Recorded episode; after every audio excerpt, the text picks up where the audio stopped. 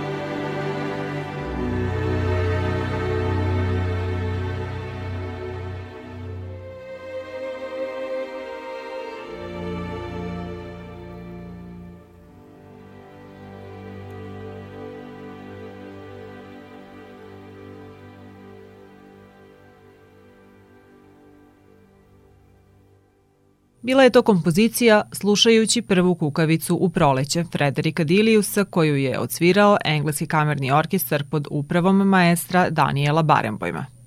Opus romantičara Frederika Diliusa karakterišu bogata melodika i gust orkestarski zvuk. Njegov savremenik, dirigent Thomas Beecham, jednom prilikom je rekao da je Dilius poslednji veliki apostol romanse, emocije i lepote u muzici. Iako značajan engleski autor, Dilius je dugo živeo van domovine, pre svega u Francuskoj, a ni poreklom nije Englez. Majka mu je bila nemačkog porekla, a otac holandsko-nemačkog. Tri godine pre Frederikovog rođenja porodica se nastanila u Bradfordu gde je kompozitor rođen 1863. godine. Tu je završio gimnaziju, a školovao se i na Međunarodnom koleđu u Londonu. Otac je bio trgovac vunom, te je Frederik jedno vreme pomagao ocu u poslu, a sa 21 godinom odlazi na Floridu gde mu je otac kupio plantažu pomoranđi. U Engleskoj je Frederik naučio da svira violinu i klavir, a u Americi je, družeći se s orguljašem Thomasom Wardom, proučavao i kompoziciju. Frederikov otac još od detinstva nije podržavao njegovu želju da se bavi muzikom, ali je kasnije ipak popustio molbama svog sina i nakon dve godine provedene u Americi, Frederik upisuje Leipziški konzervatorijum gde pohađa časove kod Jadasona i Rajnekea. Tu se sprijateljio i sa Grigom, koji se ponudio da izdejstvuje kod njegovog oca dozvolu za dalje Frederikovo muzičko usavršavanje. Nakon dve godine Dilius odlazi u Pariz, Tamo stvara solo pesme, orkestarsku svitu Florida, operu Irmelin i legendu za violinu i orkestar, koje je njegovo prvo objavljeno delo 1893. godine. U Parizu nastaje i opera Koanga, koja je među prvim ambicioznijim Diliusovim delima koje su privukla veliku pažnju javnosti, posebno u Nemačkoj tokom prve decenije 20. veka. Posle desetak godina provedenih u Parizu, kompozitor se seli u obližnju varošicu Gresor-Loan kod slikarke Jelke Rozen, koju je i oženio. U varošici blizu Fontainebleauske šume između Sene i Marne Dilius stvara najbolja dela, koja nastavljaju da izazivaju veliko interesovanje. Premijere nekih kompozicija održane su prvo u Nemačkoj. Među njima su još dve opere, Romeo i Julija na selu, te opere na nemačkom Fenimor i Gerda, kao i nekoliko većih orkestarskih i vokalno-instrumentalnih dela, Pariz, pesma velikog grada, Apalačija i Strujanje mora. Poslušat ćemo temu kompozicije Apalačija i dva oceka koji joj slede. To su varijacije na stari crnački napev u kojima oslikava predeo tropskih obala Misisipija na kojima su izrabljivani robovi. Odlomak iz kompozicije čućemo u izvođenju simfonijskog orkestra BBC-a predvođenog maestrom Andrewom Davisom.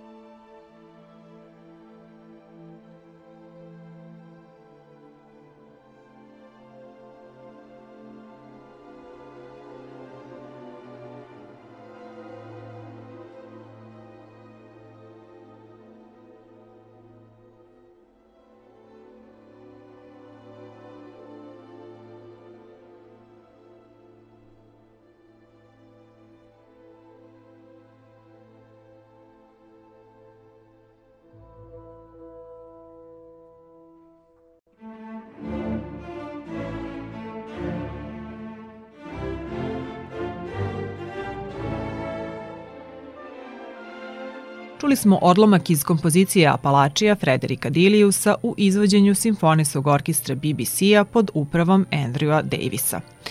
To delo ima 14 orseka i napisano je za orkestar, hor i bariton solo. Nastalo je 1902. godine, a kompozitor je još jedno dosta kraće koje je napisao 1896. nazvao istim imenom, ali uz podnaslov Američka rapsodija. U ostvarenju čiji smo odlomak poslušali, iskorišćen je deo melodijskog materijala iz prethodnog. Oba dela inspirisana su životom na Floridi, u vreme kada su rasne podele bile veoma zastupljene. Kompozitor je, objašnjavajući temu kojom se bavio, napisao Apalačija je stari indijanski naziv za Severnu Ameriku. Kompozicija odražava raspoloženje tropske prirode u velikim močvarama koje se graniče sa rekom Mississippi, koja je tako intimno povezana sa životom starih crnačkih robova. Čežnjiva melanholija, snažna ljubav prema prirodi, detinjast humor i urođeno uživanje u pevanju i igranju još uvek su najkarakterističnije osobine ove rase. Afroamerička muzika inspirisala je još Diliusovih dela, među kojima su i ona koje smo pomenuli, Svitu Florida i operu Koanga.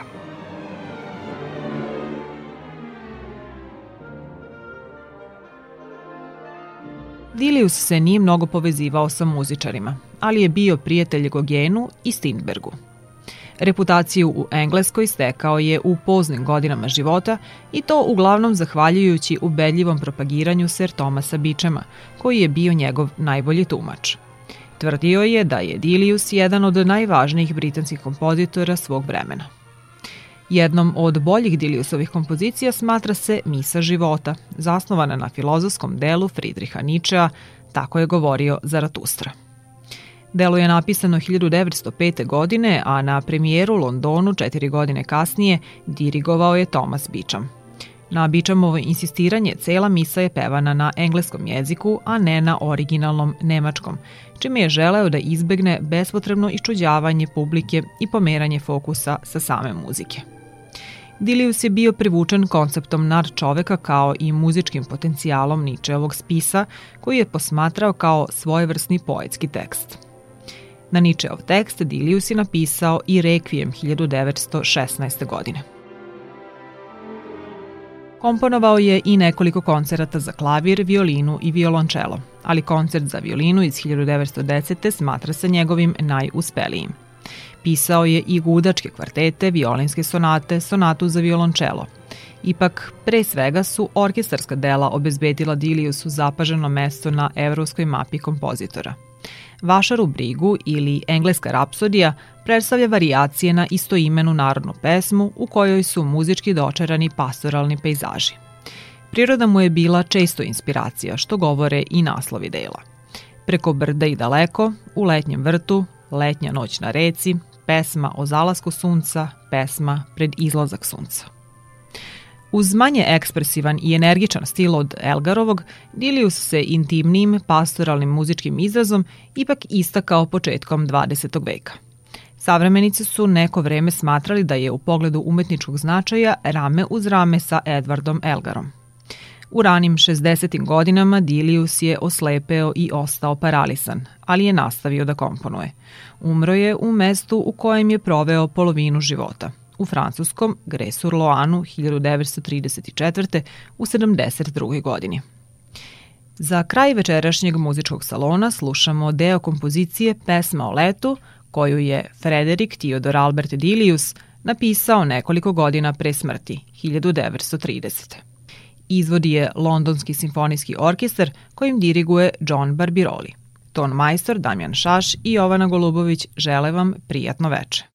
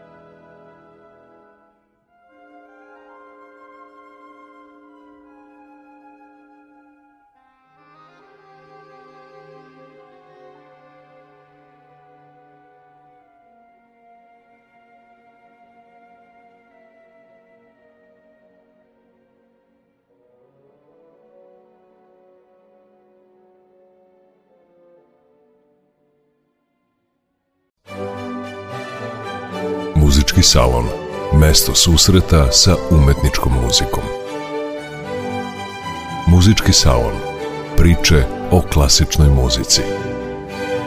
Muzički salon.